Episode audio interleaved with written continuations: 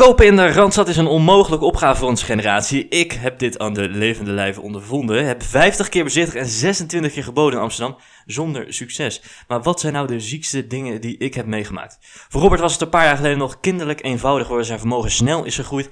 Maar wat is nu het echte probleem van het woontekort?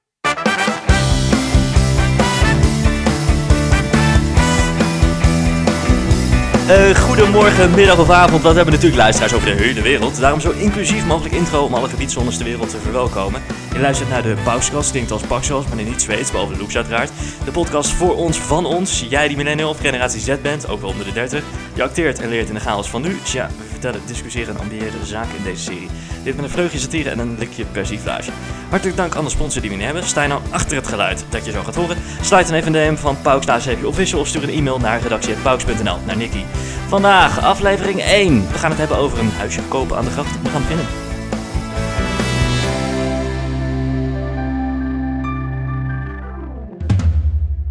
Dames en heren, beste luisterkinders, wat een ongelooflijk spannend moment is dit, want vandaag is het 2 april, de dag na 1 april. En op 1 april zijn we de ether ingevlogen. Daar begon het, geschiedenis geschreven. Pauks is een slecht verzinsel van Ali de Blarinees, die in aflevering 4 aan bod komt. Op pauks.nl kunnen jij en ik, millennials, generatie Z en goze vrienden straks een column en opinie delen zonder dat het moraal van het herhaal wordt verwoest. De site is nog niet live, behalve dat je kan checken hoe je precies iets kan insturen. Doe dit dus ook vooral. Check de site en stuur je vlijmscherpe visie in via redactie.pauks.nl. En vandaag, 2 april, hebben we dus de eerste aflevering. En ik hoop dat jullie allemaal vroeg zijn opgestaan en na een cappuccinootje met havermelk op de racefiets zijn gestapt met een veel te strak pakkie en deze onzin aan het luisteren zijn. De bedoeling was een tweedelige podcastserie. Enerzijds een beetje serieus, anderzijds een beetje niet serieus. Uiteindelijk is dat allemaal een beetje door elkaar heen gelopen, dus hou je vast. Ik kan je alvast vertellen dat de komende zaterdag gevuld zijn met extreem veel leuke topics. Van zenwoorden op Bali tot dating apps tot kansenongelijkheid. We hebben de leukste figuren die hierover komen praten. Van self-made professionals van de Zuidas tot politici en gooise vrienden die pretenderen veel geld te hebben, maar ook een exploratieve insteek, want hoe verdien je geld met niks doen? Maar elke zaterdag komt er eentje uit om 9 uur. Dus ik zeg, luister allemaal, tune hem in op Spotify en volg ons op de gram. En vandaag hebben we de eerste aflevering en het is een beetje cliché, maar we gaan het hebben over de woningmarkt en dat kan met niemand anders dan grootverdiener en business class specialist Robert Dreyer. Ja, dankjewel Eduard. Ja, Robert Dreyer, jongen, hoe kennen we elkaar? Waar kennen we elkaar wel? Ja, jeetje, dan gaan we alweer uh, twee jaar terug, denk ik. Uh, we leren elkaar kennen op de Universiteit van Amsterdam. Ja, um, toen werden we slim. Ja, toen werden we slim. Hè? Nee, dat een goede oude tijd. Twee jaar geleden, toen, uh, toen het nog geen corona was. Dat we heerlijk na college nog een biertje gingen drinken. Kan je je toch voorstellen? Nee, ik kan het echt niet meer voorstellen. Nee, maar dat doen we nu weer. We zitten nu ja, weer dat doen we nu weer. Dat is Gelukkig. zeker waar. Maar ja, ja universiteit ik vind het altijd heel lastig om uit te leggen wat we dan precies hebben gedaan. Ja, wat hebben we precies gedaan? Uh, opleiding tot uh, registeraccountant of register operational auditor of uh, register EDP auditor. Ja, nu hebben mensen echt geen idee. Geen idee, nee. nee. En ik ook niet eigenlijk. Nee, maar dat maakt ook eigenlijk helemaal niet uit. Wij, wij, wij, wij werden snel vrienden eigenlijk. Ja, omdat we allebei met een vleugje satire daar in dat klaslokaal zaten. Mensen belachelijk te maken, denk ik. Ja, nou, ik weet het niet. Ik, uh, ik denk dat we, we hadden snel een match. Hè. We gingen het, uh, het ging over... Uh, geld. Geld, ja. Het gaat eigenlijk altijd over geld. Ja. Ja, hoe kan je snel rijk worden? Nee, goed. we hebben daar met elkaar vaak gehad over... ja, wat zou ik zeggen? Ja, huizen kopen, daar ging het ook over. Ja, huizen precies. kopen, ja. ja. En ik had er alleen. Jij had er gewoon een. En daar was niet. ik ongelooflijk jaloers op dat jij er een had. En wat ik nog jaloers was, is dat jij een huis had, een appartement in Haarlem. En uh, dat hebt kunnen verkopen en daar uh, weer iets anders van hebt kunnen kopen. Van dat geld natuurlijk. En ik gewoon uh, zat van shit, ik heb helemaal niks. Ik heb echt de boot gemist. Wanneer heb je nou uiteindelijk een huis gekocht? Ja, dat is nu weer vijf maanden geleden of zo. Vijf maanden geleden pas. Ja. ja. Heb je zeker de boot gemist? Ja, want ik heb nu gewoon... Ja, ik heb ongelooflijk geld betaald voor waar wij nu hier zitten. Ja. Daar heb ik heel veel geld voor betaald. Maar ja, alles is natuurlijk duur. Uh, maar goed, uh, hoe is dat bij jou gegaan? Want jij, jij woonde eerst in Haarlem en toen heb je dat verkocht. Hoe, hoe, hoe is dat gegaan? Ja, kijk, uh, ik heb een beetje geluk gehad hè, toen ik een aantal jaar geleden met werken begon. ik ben ietsjes ouder dan jij, maar toen kon ik vanuit, van, ja, vanuit mijn eerste... Ben jij nog eigenlijk millennial of niet? Dat is een hele goede vraag. Ik ben 32. Mag jij hier zitten überhaupt? Ja, dat zijn, ja, ja, jij hebt mij uitgenodigd. Ja, dat is waar, dat is waar. dat ja, ja. Oké, ga verder. Laten we zeggen dat ik het ben. Oké, Ja. Nee, goed. eh, ja, ik begon mijn carrière bij PwC, waar jij nu te- tegenwoordig ook werkt. Oh ja. Ja. Maar eh, ja, toen kon ik eh, vanuit... eh, ja, toen ging ik de huizenmarkt op. Want ja, huren, zonder van je geld. Geleerd van mijn ouders, moet je niet doen. Ehm, ja, toen ben ik de huizenmarkt opgegaan. En toen een appartement in Haarlem gevonden. En nog zelfs eh, onder de vraagprijs eh, kunnen kopen. En dat is niet eens zo lang geleden, 2014. Ja, en, nou Ja. acht jaar. Ja, maar goed, eh wij hebben toen wij elkaar leren kennen in, in eh, 2020, in februari op studie. Ja, toen was het zes jaar. Ja. Ja, en toen heb ik, ik heb nog onder de vraagprijs. En sterker nog, hè, toen ik dat huis kocht, hè, met, met, daar ga je toch een bepaalde verbindenis aan. Waar je toch ook altijd wel een beetje angst hebt gehad. Van, want je hebt, je hebt wel een baan, maar wat als je je baan kwijtraakt?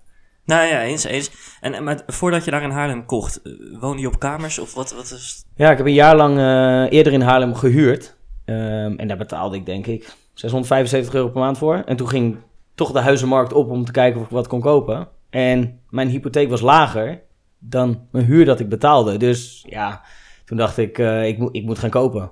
En dat geluk had ik toen. Ik kon op, op de kop afkopen. Ik had, had nog 2000 euro over. Was dat niet dat je dacht, ja, al mijn geld jongen gaat daarin en straks heb ik niks meer en is het wel een goede keus, weet je wel. Je weet nooit in wat voor soort conjunctuur, laag of hoog, je iets koopt en wat voor effect dat heeft natuurlijk op jouw vermogen. Eens. En dat is natuurlijk de grootste angst. Ik eh, begon, eh, begon net met werken, mijn eerste salaris. eh, deed toen ook nog een studie aan de Vrije Universiteit. Ehm, geen, geen, geen ouders met eh, vermogen. Dat, hè, dat- aan. Nee, en ook niet dat ik, eh, dat ik het kon opvangen als het bijvoorbeeld wel in de problemen zou komen. Als ik mijn baan zou kwijtraken. Ga je nooit vanuit. Maar toch, daarom wat ik zei. Hè, ik eh, heb toch al een aantal jaar, altijd als ik aan het werk was, dacht ik van nou, als ik het niet leuk meer vind. Ja, ik zit toch met een huis aan mijn, ja, zit toch al vast. Zo voelde dat de eerste paar jaar. Ja. Naarmate de jaren vorderden en je weet dat de huismarkt ging... Ja, je weet wat de huismarkt heeft gedaan. Op dit moment weten we het. Voelde dat al wat minder. Maar je, ja, in Ja. het begin voelde het als een blok aan, eh, aan je been. Ja, zeker. Maar je hebt toch die hypotheek kunnen krijgen. En dat betekent dat je nu weer iets anders hebt kunnen kopen. Want dat is natuurlijk slim. Want je, je koopt iets, je bouwt vermogen op, je verkoopt het voor veel meer. En daarmee kan je weer iets anders kopen. Want waar woon je nu? Ja, ik woon nog steeds in Haarlem. Ik eh, ben in eh, januari 2021 verhuisd naar een grotere woning. Maar gewoon echt een eengezinswoning. Ja, je zou het niet Nee, denken. joh. En dan ben ik nog steeds eh, 32 en dan woon je in een eh, eengezinswoning. Nee, goed, dat heeft me heel erg geholpen. Hè, want eh, eh, ook ik ging de huizenmarkt op eh, in 2020, eind 2020. Zeker ook door de coronatijd. Wilde wat groter. Ik zat met mijn thuiskantoortje in mijn slaapkamer. Is niet werkbaar. Zeker niet als je vriendin ook thuis werkt. Dus we wilden wat groter. Maar ga maar op zoek Ja. Uiteindelijk gevonden. Maar eh, daar kwam. Hè, mijn, mijn, ik heb altijd gezegd: ik ga niet mee in die gekte. Ik ga nooit meer dan 25.000 euro overbieden. Nooit. Mijn eerste bod was al 50.000 plus. Had Ja. ik overgeboden. Maar in Haarlem dan? Hoeveel heb jij dan uh, over? Uiteindelijk 73. ja. Dat is toch een stukje hoger dan Dat is- 25 jaar. ja, dat is zeker een stukje hoger. Ja. Ja. Ja. Maar gelukkig kon dat. Mede doordat ik mijn eigen woning had. Want ik heb ook een, eh, ik heb ook een makelaar gehad. En voor mijn woning hier ja, kon ik een eh, een betaald bedrag betalen en ook lenen. Ehm, en uiteindelijk heb ik iets geboden hier, wat 10% boven de vraagprijs was. Wat ook nog wel veel is, ook veel overboden. En toen moest ik het huis laten taxeren, want de taxatie is nodig voor je hypotheker. Klopt. Toen ben, ik naar de, toen ben ik naar de makelaar toe gegaan en toen heb ik gezegd... eh, ik zeg, jou, ik heb dit huis gekocht. Ehm, kan je het laten taxeren op de waarde van waarvoor ik het heb gekocht? Ja. En eh, nou, toen zei hij, ja, kan ik wat doen? 600 euro, dat gaan we doen. En toen heeft hij het hier het huis eh, laten taxeren voor eh, de, de prijs die ik heb geboden. En nu heb ik het gekregen. ja. En wat als hij het niet had gegeven? Nou, stel nou dat hij eh, had gezegd, nou, ik kan het niet taxeren of ik kan het niet laten taxeren op de waarde waarvoor jij het hebt gekocht.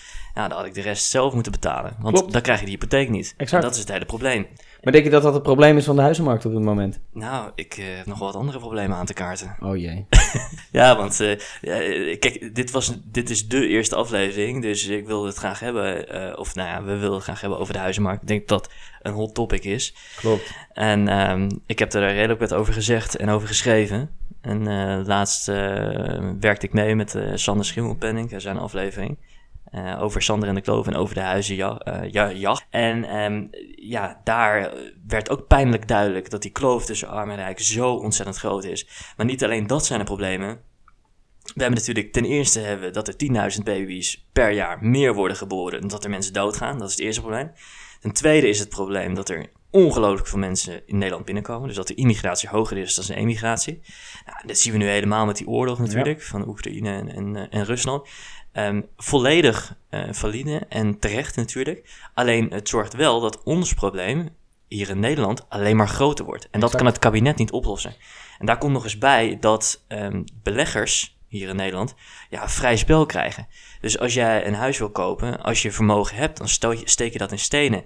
En dat snap ik, want ik zou het ook doen. Als ik een miljoen zou hebben, zou ik ook uh, papandjes kopen. Want het rendement op huis is namelijk 20%, krijg ik niet op de bank. Exact. En dan moet jij weten als bankier. Dat klopt, dat klopt. En uh, ik heb ook die aflevering uh, gekeken. Wat vond je ervan? Nou, ik, ik, ik vond het interessant wat, wat Sander ook zei. is dat hij, hij bekent eigenlijk schuld hè, in het begin. Hij zegt, ik heb eraan meegedaan. Hij zegt, dat ik heb ook dit huis, hè, wat hij dan nu aan het verkopen was, het appartement. Hey, uh, ik heb, ik heb een, een columnje geschreven. En uh, dat uh, had ik uh, in eerste instantie. Nou, kijk, het is zo gegaan. Ik heb op een gegeven moment gereageerd op een stelling in het Parool. Daar heb ik een artikel over geschreven. Dat is geëxplodeerd toen, daarna ben ik vaker gaan schrijven uh, voor dagbladen en uh, meegewerkt aan allerlei televisieprogramma's. Met name om dit onderwerp. Maar deze podcastserie is ook om andere onderwerpen breder te belichten. Op een gegeven moment had ik een, uh, had ik een column geschreven voor het Parool. Naar aanleiding met die uitzending met, met Sander Schimmelpenning. Die werd niet geplaatst. Dus dacht ik, nou weet je, fuck it. Ik plaats hem wel op LinkedIn. Ja. Uiteindelijk heeft dat dus bijna 700.000, om precies te zijn,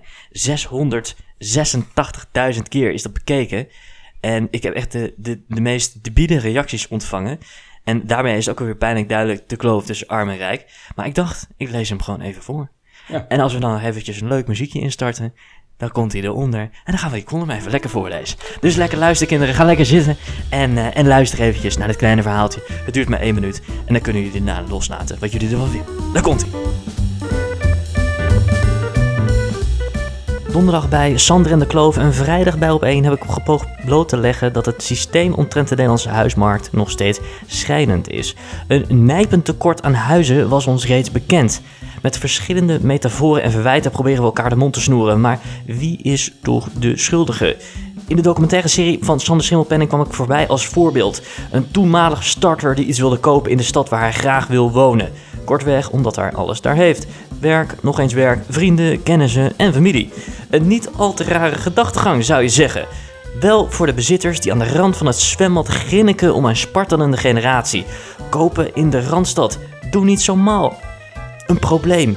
Het probleem. De huizenmarkt. De huizenprijzen zijn te hoog en beleggers kopen woningen op. Maar wat is nu het echte probleem? Kortweg, tekort. Elk jaar is er een overschot van 10.000 nieuwe mensen in Nederland. Dat wil zeggen, er worden meer baby's geboren dan dat er mensen doodgaan. Dit tezamen met het hoge immigratie ten opzichte van het emigratiecijfer zorgt ervoor dat er een nijpend tekort is. Een tekort dat desondanks de trage bouw van nieuwe woningen elk jaar oploopt met 20%. Dat beleggers dan profiteren van het feit dat zij op een simpele manier kapitaal kunnen opbouwen, is niet aan hen te verwijten. Dat is een systeemfout en te danken aan de overheid.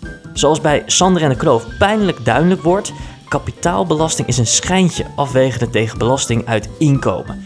Een maatschappelijke en economische belemmering die polariserende tevreden uitlokt. Hierdoor kan men kapitaal uitbreiden door bijvoorbeeld te investeren in vastgoed.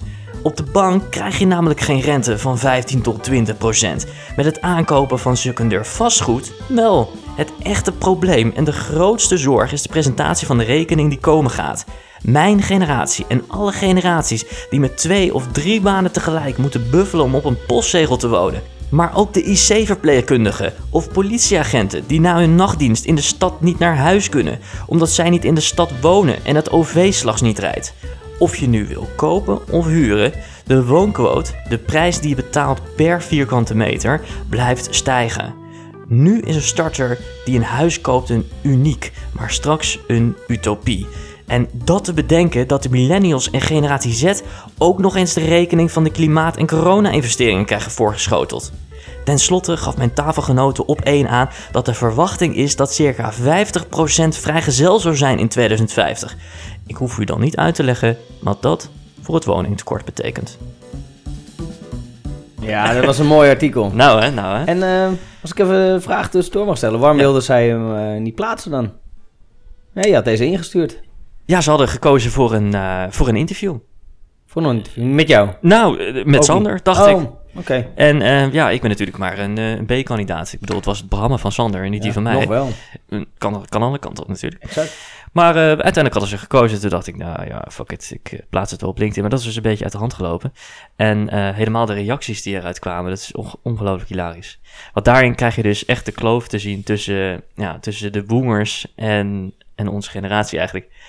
Jij hebt hem ook gezien, toch? Ja, ik heb het artikel gezien, maar de, de reacties heb ik niet allemaal gelezen eronder. En kreeg je dan voornamelijk de reacties via DM of uh, kreeg je reacties gewoon ja. onder het bericht? Gingen mensen ook, ook echt... Uh, beide eigenlijk. Discussie beide. te lijf met elkaar? Beide eigenlijk, ja. De, mensen gingen echt discussie te lijf inderdaad. En uh, ja, heel veel mensen die, die waren het eens, maar heel veel interesse in mensen ook niet. Bijvoorbeeld uh, deze meneer, dat is een chirurg, Cas van den Hullenaar. Die zegt, beste Eduard, ik heb met interesse bekeken naar je uitzending van Sander en de Klover. Er zijn drie zaken die me opvallen. De huizen die je hebt bezichtigd liggen zeer in de gewilde en aantrekkelijke wijk in Amsterdam.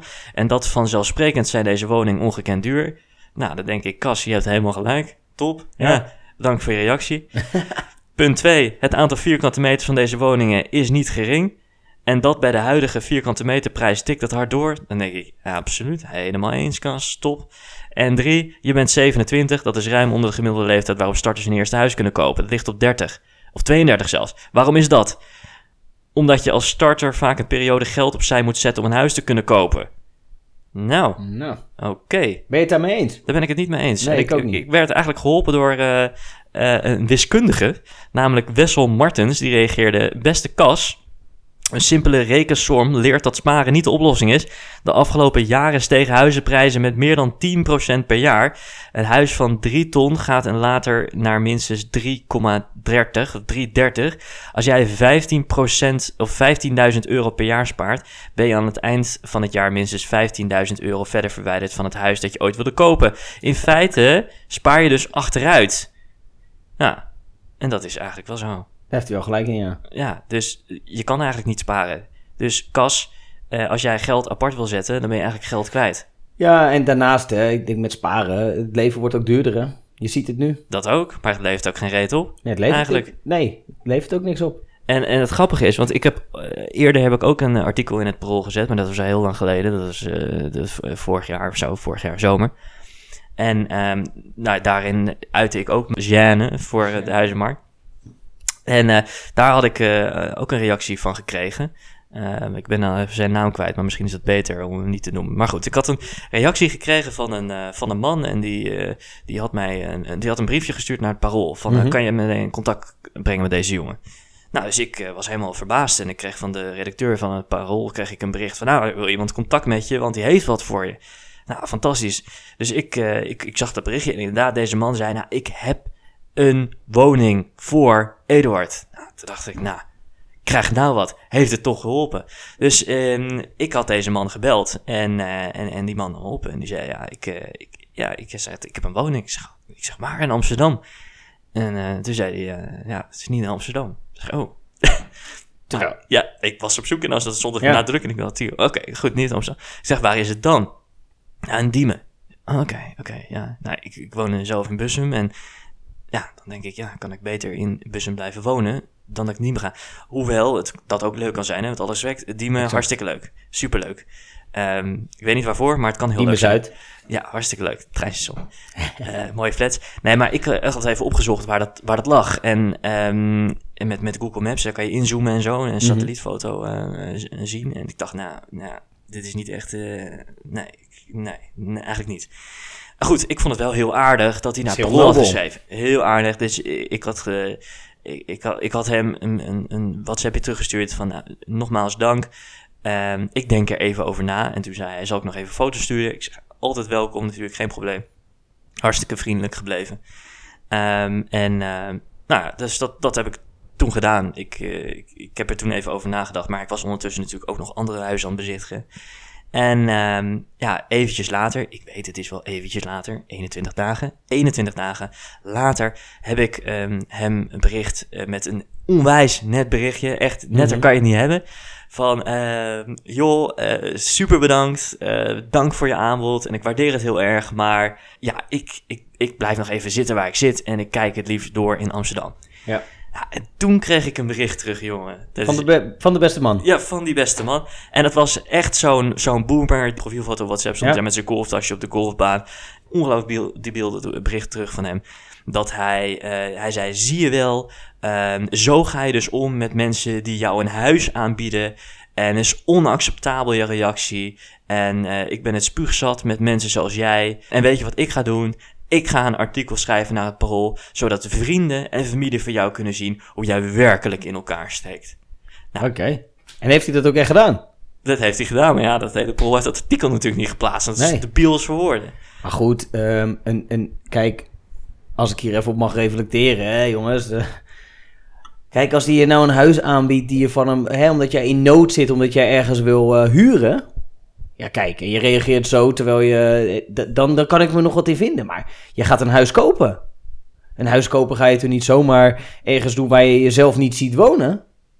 Nou, precies. En toch krijg je, krijg je eigenlijk de deksel op je neus. Maar goed, hè, je geeft aan eh, over de 680.000 eh re- oh, hè, even, eh, het is het een keer bekeken. Hè. Je hebt heel veel reacties ontvangen. Heel veel nieuwe vrienden erbij Eh, op LinkedIn. Ja, heel veel nieuwe vrienden. Wie zijn je echte vrienden? ja, eh, moet je ook maar dat is zeggen. de vraag. Nee, maar dan, dan, dan vraag ik me af, hè, van... Wat, hè, krijg, je wat, eh, krijg je input van die mensen? Helpen mensen jou? Geven ze je advies? Eh, komen vaker van dat soort aanbiedingen voorbij? Of is het eigenlijk, eh, was het gewoon... Nou, het- is wel een beetje zo gebleven, mo- moet ik zeggen. Aan de andere kant, ik had wel nog één, eh, één vrouw die, die schreef ook een handgeschreven kaartje naar het toe. Ehm, eh, Ida heet ze volgens mij. Ada, Ada, Ada heet ze. Ja, Ada die woonde op de Hoofdweg in Amsterdam. En ehm, die stuurde een kaartje naar het dat ze, nou, dat zij wel het huis, haar appartement aan mij wilde verkopen. Maar oké, eh, heel erg aardig. Dus eh, ik, eh, ik had ook gereageerd. Ik had haar nummer gekregen. Ik had haar gebeld. Zelfde verhaal weer. En ik zei, nou Ada, ik zou ongelooflijk lagen een keer langskomen op de Hoofdweg in Ja. Amsterdam.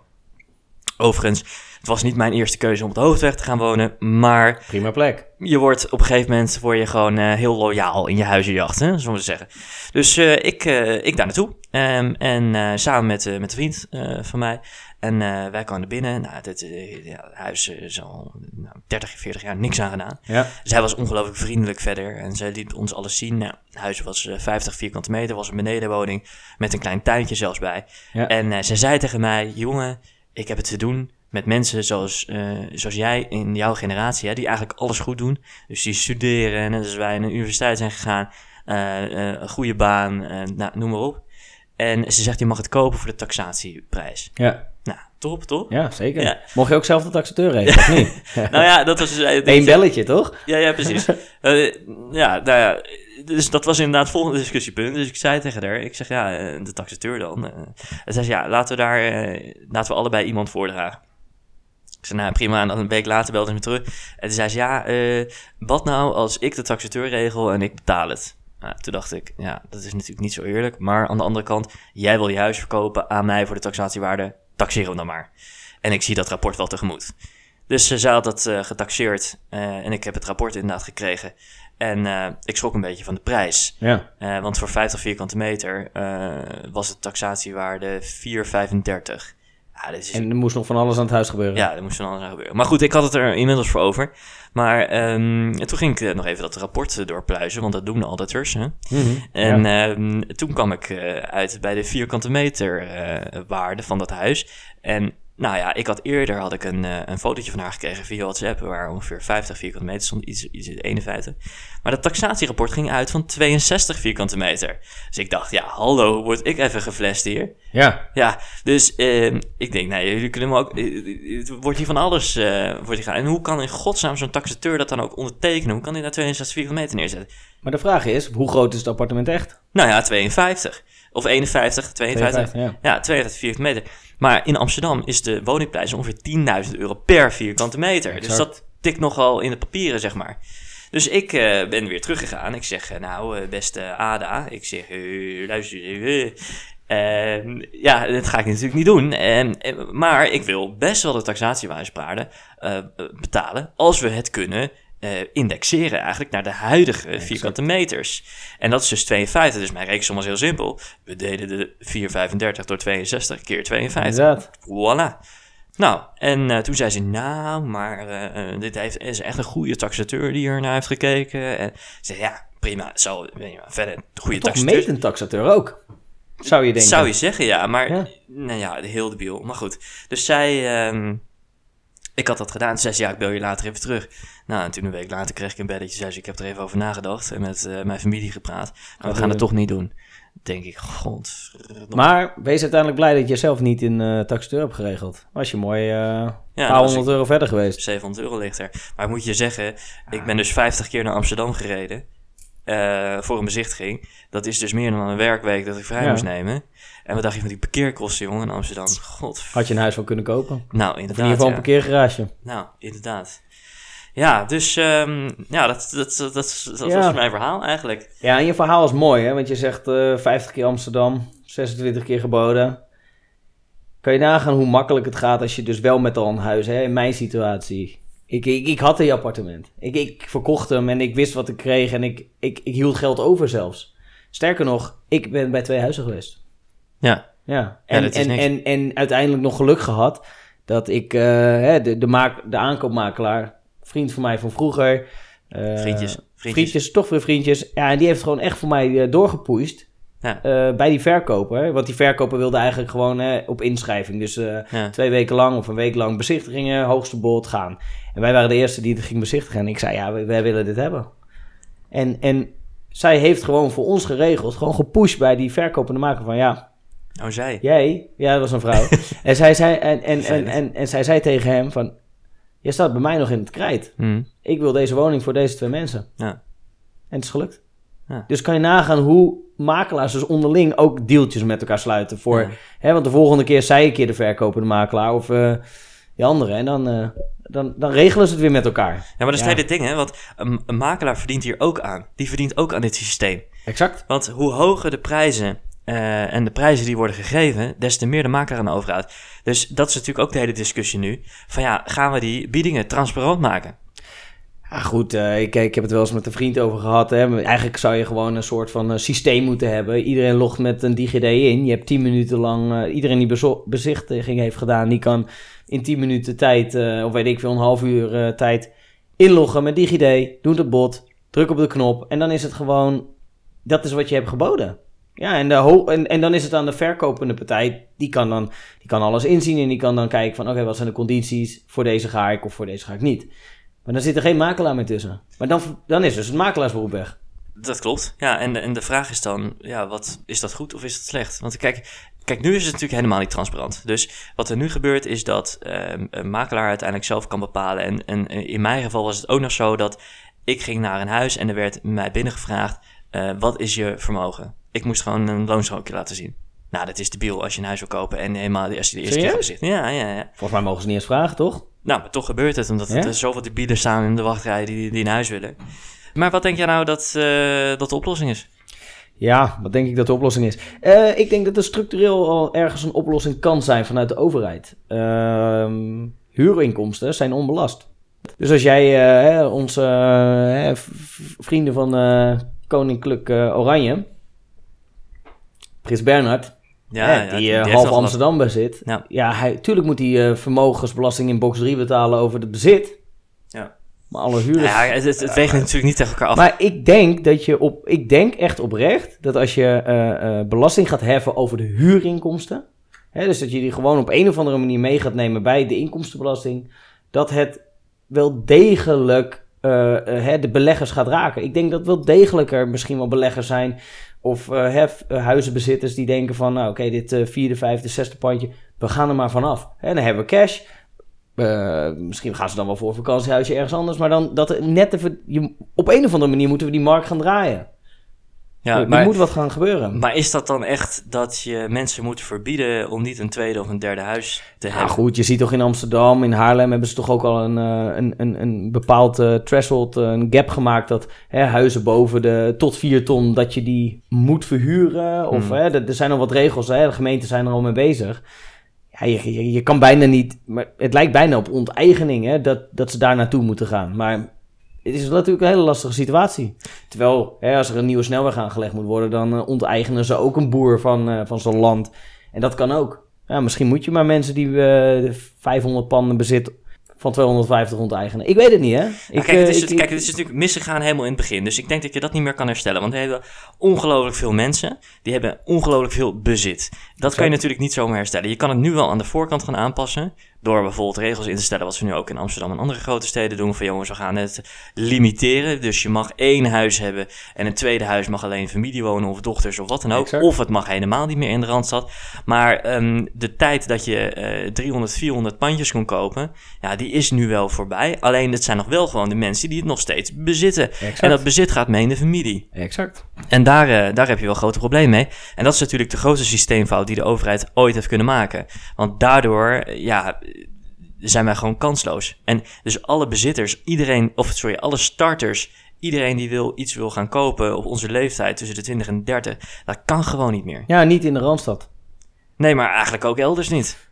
Nee, misschien toch iets makkelijker. Eh, niet makkelijk, zeker niet. Maar ik denk, ik denk wel dat in de Randstad is het bijna, bijna niet meer te doen. Hè? Dus je gaat, je gaat richting... Nee, hey, ik kom zelf uit de Bollenstreek, uh, uit Hillegom. Leuk, leuk. Nee, zeker niet. Maar uh, ook, ook daar zie je nu steeds meer... Uh, toch, hè, er wordt veel nieuw... Het zijn ja. vaak appartementjes, nieuwbouw, prima. En, en, en ja, ik denk toch dat, dat dat een beetje de oplossing wordt. Dat mensen toch maar daarvoor moeten kiezen. Nog steeds ja. goed bereikbaar met de Randstad. Maar dat is dus ook dat is het hele ding, hè? Want um, mensen die, die, die, die zeiden ook tegen mij: ja, in Amsterdam waar, kan helemaal niet. En, en je hebt jouw leeftijd, doe even normaal en dat soort dingen. Maar dat is, dat is de, de realiteit die er nu leeft ook onder de boomers. Die dus onze generatie afschuwen als wij iets kunnen kopen. Wat eigenlijk heel raar is, want 20 jaar geleden was het natuurlijk wel zo. Als ik graag iets in Amsterdam wil kopen, want ik heb mijn vrienden daar, ik heb mijn kennis, ik heb mijn werk, dan zou dat toch moeten kunnen. En ik zou dan toch dat ook moeten kunnen uitspreken. Maar dat kan dus bijna niet meer. Ja, dat is bizar. Dat is bizar, want hoezo mag jij, hoezo kan jij niet daar gewoon een huis kopen? Als jij alles daar hebt, en wat dat, dat leg je ook uit in het programma met Sander. Hey, alles is in Amsterdam voor jou. Maar het gaat ook niet om, kijk, uh, nu wekken misschien de, die illusie dat ik iets wil kopen van uh, uh, tonnen en tonnen ja, aan de gracht. Niet Helemaal niet. Nee. Ik heb gewoon alles wat ik heb op dit moment in mijn leven, zit uh, speelt zich af in Amsterdam. Hetzelfde geldt voor misschien vrienden en vriendinnen die in Rotterdam of in uh, Den Haag of in Utrecht zitten en wonen en werken en iedereen hebben. Die willen daar ook zitten en die ja. moeten ook de kans krijgen om iets te kunnen bezitten. En die kans die hebben ze op dit moment gewoon niet meer. Nee, je kan niet eens 30 vierkante meter kopen. Nee. Dus je vraagt niet veel. Nee. Je vraagt en, al iets kleins. En dan zitten wij nog aan de top eigenlijk. Wij zitten aan de bovenkant van onze generatie, maar eigenlijk van alles. Ja, als je de hele vergelijking maakt met mensen die gewoon modaal verdienen, dan, ja. Ja, dan, dan is Amsterdam kan je misschien een ja. uh, vierkante meter of drie kopen en dan ben je klaar. Ja, precies. Dus... Maar en dat is, dus ook, dat is dus ook een probleem. Dat, is, dat heb ik ook geschreven in dat artikel natuurlijk. Dat uh, onze politieagenten, onze verpleegkundigen, uh, onze schoonmakers, uh, noem maar op. De mensen die we echt nodig hebben in deze samenleving, die er zijn voor de mens, die moeten ook kunnen wonen in de stad waar zij werken. Exact. En wat ik ook schreef, hè, dus die mensen moeten bijvoorbeeld terug naar huis, s'nachts. OV rijdt niet. Dus ze kunnen niet naar huis. Wat is er dan voor goede reden om dan nog in een ziekenhuis in Amsterdam te gaan werken? Ja, die is er niet. Nee, en als ze, als ze dan wel naar Amsterdam moeten gaan en ze gaan met de auto, krijg je 19 cent kilometer, red je er tegenwoordig ook niet meer mee. Nee, en dus ze, gaan nog kutsalaris. En ze gaan nog achteruit ook. Exact. Zeker nu in deze huidige uh, ja, oorlogssituatie. Ja, dus het is gewoon eigenlijk volkomen kansloos. Ja, hebben we dan eigenlijk een uh, oplossing voor uh, het probleem op het moment? Nou ja, ik heb het jou natuurlijk net al gevraagd, maar jij zegt er moet gewoon een de transparante biedingen, dat moet er komen. Ja. Um, er moet een limiet komen op een tweede huis of een derde huis. Exact. Moet er komen. Ja, ik denk samen dat, dat het een systeemfout is die moet worden opgelost. Dus ben ik het mede met jou eens dat er dus ja, dat, dat er meer regulering moet zijn van de overheid. Dus er moet meer controle zijn. Uh, mensen kunnen niet zomaar iets kopen. Maar wat ik iedereen altijd hoor zeggen is: ja, we moeten bijbouwen. Ja, dan denk ik, ja, bijbouwen, dat is een 30-jarig project. Laatst zat uh, Jette, zat bij, uh, bij op 1 en die zei daar, ja, maar we zijn met een uh, super groot project in, in Flevoland bezig, heel veel huizen, bla bla bla. En ik dacht alleen maar, ja, gast, dat project, dat wordt dan in, in 2030 wordt dat verwezenlijkt. Exact. Dat, dan zijn we alweer uh, 8, 9 jaar verder. En we hebben nu al een tekort van 300.000 huizen. 300.000 huizen hebben we het over. Ja. En dan ga je in Flevoland een paar huizen neerzetten.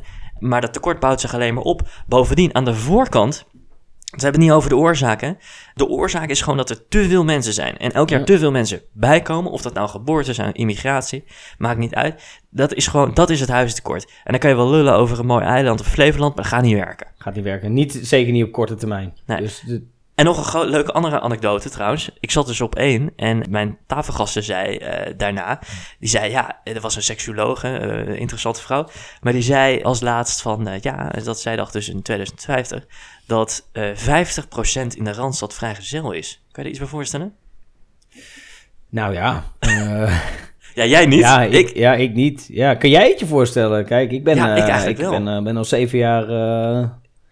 zit je onder de duim. ja, zeven jaar. nou, sterker nog, of eigenlijk al veertien jaar. Maar, eh, Jezus. Ja, ja, veertien jaar lang. Maar niet met dezelfde op dit moment. Nee, nee, oké. Maar goed, ja, nu, nu zeven jaar, Je bent ja. echt wel een relatieman dus eigenlijk. Ik ben wel een relatieman, ja. Ja, ja, ik kan wel zeggen, ja. Jij niet? Nou, ja, sommige mensen, ja, ze zeggen het. Nee, maar, goed, ik, ik, ik, niet ik- vier, niet meer. ook als ik in mijn omgeving kijk, denk ik, ik, ik denk dat er, eh, er wel wat voor te zeggen valt. Dat er, eh, er steeds meer mensen ook. En buiten het feit om of ze nou wel of niet een relatie hebben, ik, de mens, de, de jongeren van nu, die zijn ook veel meer gehecht aan hun eigen vrijheid. Dus ondanks het feit dat ze misschien wel een relatie hebben. Het is niet zo, meer zoals vroeger, waarbij we eh, met elkaar samen gaan wonen, gezinnetje. Iedereen wil veel meer vrijheid, wil ook een soort van op zichzelf. Dus ik denk ook dat dat nog wel een risico is voor de huizenmarkt, hè, waar dat toch het onderwerp waar we het vandaag over hebben, is dat mensen ook huizen gaan aanhouden. Dus als je wel met elkaar op een gegeven moment gaat en dat ene gewoon een appartementje heeft, die denkt van nou, ik kan het ook verhuren, maar ik vind het ook wel fijn om, om het gewoon zelf af en toe te houden. Maar, eh, ja, de, eens, Dus nog eens. een probleem. Ja, nog een probleem. Nog een probleem. Ja, Ja. het is zo complex. We komen hier sowieso niet uit natuurlijk, in de tijd die we hier hebben. Maar ehm, het is nog wel grappig, vind ik, die, die, wat zij zei dus, hè, 50% vrijgezel. Want ik denk dat het wel zo is. Want we, we zijn best wel independent, hè. Ja, Ehm, en waar we vroeger wat meer dependent waren.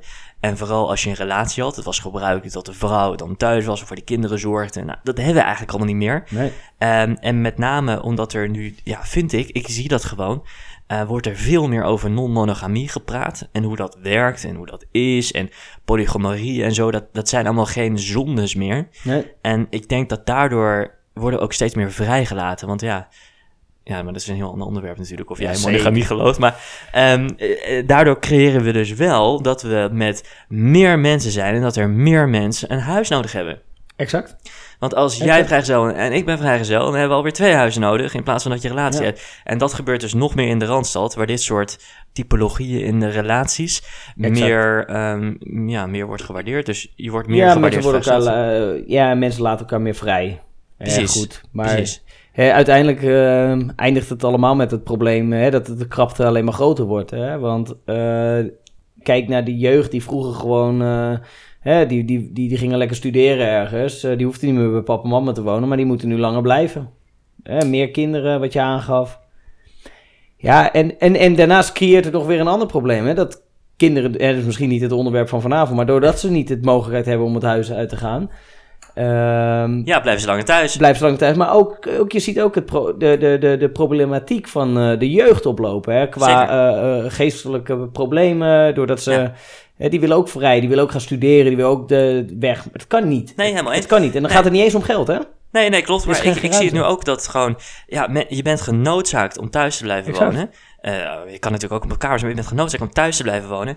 En dat, dat wekt natuurlijk enorme economische en maatschappelijke polariserende tafereelen uit. Exact. Mensen die, die 29, die 30, die 31 zijn, die nooit zelfstandig hebben kunnen leven en wonen, ja, die kunnen dat ook niet in hun werk. En dat Exact. is niet goed voor een werkgever, dat is niet goed voor ma- deze maatschappij en niet goed voor de economie. Dus uiteindelijk zitten we er allemaal mee opgeschreven. Ja.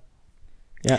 Hey, ja, laten we even tussendoor, hè. Laten we even de, de persvars, de persvars, persvars, de persvars, eh, eh, van de week. Eh, dat is een eh, rubriekje die we hebben. En het is misschien goed om de eerste keer even uit te leggen. Terwijl er weer een lekker muziekje wordt ingestart op de achtergrond door onze co- componist Robert Lanting. Persvars van de week slaat eigenlijk helemaal nergens op. Het is gewoon een farce uit de pers.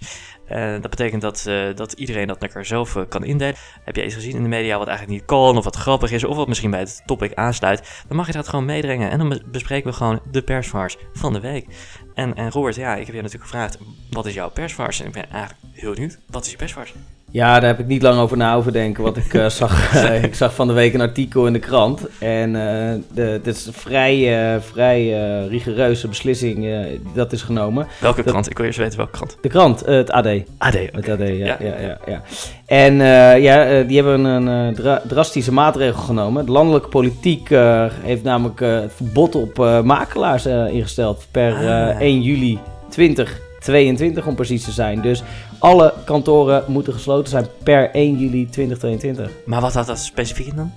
Uh, nou, dat houdt in dat uh, ze daarmee proberen te regelen dat makelaars geen invloed meer hebben op de hele markt. Het is een vriendjespolitiek. Nee, dat snap ik, maar als je het allemaal sluit. Ja, gewoon dicht.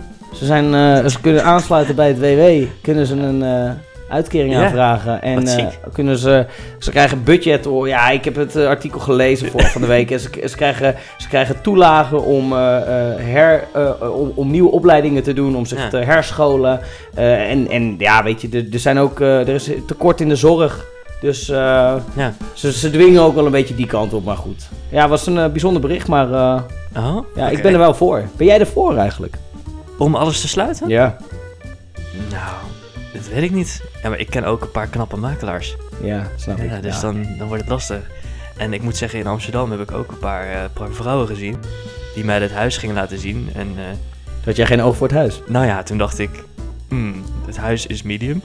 Maar ja, dat heb je natuurlijk helemaal. Helemaal als je 50 bezichtigingen gaat inplannen. Je gaat toch echt ja, maar alles doen. We hebben ooit weer op, op, helemaal niet over nagedacht. Dat ik daar op een gegeven moment anderhalf uur zat. Een keertje met een vrouwelijke makelaar.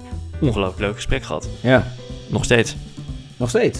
Ja, maar goed, weet je, dat gesprek kan je nog steeds met haar nee, voeren. Ik, en je hebt nu ondertussen een huis, hè? Dat, zo is dat, zo is het. Ik, en ik begrijp ik dit. Hey, ik heb ook een, uh, een persvarsje. En dat is misschien niet echt helemaal vars, maar wel heel leuk voor deze aflevering. Want uh, vandaag werd uh, namelijk, uh, nou, er werd bekend dat er een nieuw programma komt. Half Holland dakloos. Dat programma dat is, al, is al bezig, maar ik heb eventjes gekeken. En één, één vrouw die erin speelt, dat is Charlotte. En Charlotte die koopt pandjes op. Nou, en, en als ik dat al hoor, dan krijg ik een beetje jeuk. Maar zij koopt pandjes op voor starters om die met huurkorting weer te verhuren. Dus, dus zij, uh, zij denkt, oh ja, 4 ton, dat is eigenlijk te duur voor iedereen. Dus uh, uh, mensen kunnen dat niet huren, mensen kunnen dat niet kopen. Laat ik het opkopen en dan apart houden voor alleen starters. Die ja. mogen daarin zitten. En die, worden dan, die, die mogen dat dan huren. En zij huurt dat dan met speciale korting, waardoor het dan bijna op de sociale inkomensgrens komt. Oké. Okay. Nou goed en, en, en, en is de gedachte van Charlotte dan ook om uiteindelijk de starters de mogelijkheid te geven om die pandjes uiteindelijk te kopen? Ja, Okay. Ja, ja, dat nou, is dat, dus het hele ding. Oké, okay, maar ja. dus ze betalen in het begin huur, ze zitten exact, in. Exact. En dan kunnen ze sparen om uiteindelijk haar weer terug te betalen. Terug te betalen, in grote getalen, denk ik. Ja. nee, maar het hoofdgedachte ja, is vrij natuurlijk... nobel. Ja, exact, exact. En het hoofdgedachte is natuurlijk dat zij... Hoe oud is Charlotte? Ja, dat is heel jong. Oké. Okay. Ja, het is heel jong. En Charlotte komt waarschijnlijk... En hoe komt Charlotte aan het vermogen? Dat uh, Van... jubeltonnetje, denk ik. Ik weet het niet. Ja, of... Uh... Papa die een aantal pandjes in Amsterdam heeft? Ja, ja, ja. dat weet ik niet. Maar de hoofdgedachte is, was goed. Ja. Dus eh, inderdaad, wat zij koopt pandjes op en die heeft het alleen voor starters. Dus uh, als jij tussen de... Complimenten. Precies, dus als jij tussen de 20 en 30 bent en je zoekt nog een pandje in Amsterdam en je wil, ik kan niet kopen en huur is eigenlijk te duur. Maar goed, uh, 20, 32 misschien wel, hè? Want uit het, de reacties van jouw artikel op LinkedIn, ik weet niet meer precies hoe de, de beste man heet, zei de chirurg, of niet? Ja, de chirurg. Moet je eigenlijk niet zeuren dat je... Je bent toch geen starter... Je, je bent pas starter vanaf uh, 32. Je bent eigenlijk vrij jong nu. Nou ja... Ik, 27. Ik ben nog jong. Kom je doen? Jong, Waarom woon je niet nog thuis? Jong met een mening, dat wel. Waarom woon je nog niet thuis, uh, Eduard? Ja, kijk, ik wil me graag so uh, sociaal en economisch graag uh, op de kaart zetten. En uh, ja, dat kan je niet als je thuis woont. thuis woont. Bovendien, we hebben natuurlijk, wat we kennen, één op de drie ouders zijn gescheiden. En heel veel thuissituaties van heel veel mensen in Nederland exact. is niet allemaal Ander probleem voor de woningmarkt. Iedereen die uit elkaar gaat. Nadat ze dus al, hè, kijk, uh, 2050... Wij kunnen, hier, wij kunnen hier nog uren over ja, praten. denk ik ook, ja. ja, dat denk ik ook. Maar uh, wij, moeten, wij moeten een beetje afronden, denk ik. Voordat we afronden, hebben we nog een terugkomende rubriek. Ja, ja, ja, we het twee, dus de persvaart. En de vraag uit de DM. Nou, die is heel makkelijk voor deze week, want het is de eerste aflevering, dus we doen geen vraag uit de DM. Hoe makkelijk is dat? Maar heb jij nou een vraag uit de DM? We zetten altijd eventjes van tevoren uh, zetten we welke aflevering we gaan doen, met welke gasten en welke topic we gaan bespreken. Dat mag natuurlijk met een vleugje satire en een likje persiflage. Heb je nou een vraag, schroom niet en uh, duik dan even in de DM van Pauks, laagstreepje official. En uh, ja, dan kan je gewoon je vraag sturen. Ja, is toch leuk? Dat is toch leuk? Ook input. Precies, een beetje input, een beetje, beetje leuk. Het mag vrouwen, maar mag ook zeker uh, mannen, geen probleem. Ja. Voor de vraag is dat niet erg. Voor de vraag maakt niet uit. Nee, nee. Wel graag uh, foto erbij van de vrouw. ja, en, ja. ja, Man mag uh, achterwege blijven. ja, oké, okay, goed. Heb jij nog een leuke uitsmijter? Een leuke uitsmijter? Nou, voor deze week eigenlijk niet.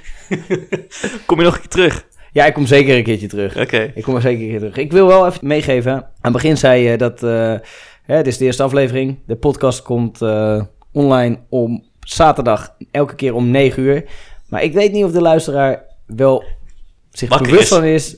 of het in de ochtend of in de avond is. Oh, heel goed. Heb heel jij niet verteld? Ja, ja, dat is heel goed. Nee, het is de ochtend. De ochtend. Want wat ik zo dacht, is dat wij hebben natuurlijk allemaal- onze millennials, we hebben allemaal onze millennial hobby. Dan Dus zijn we wij nog wakker, bedoel je? Om 9 uur s ochtends. Nee, nee, nee, nee, nee. We hebben al een millennial. Want de millennial hobby is als volgt. Wij staan op, s ochtends, en dan eh, zetten wij een eh, cappuccinootje met eh, havermelk.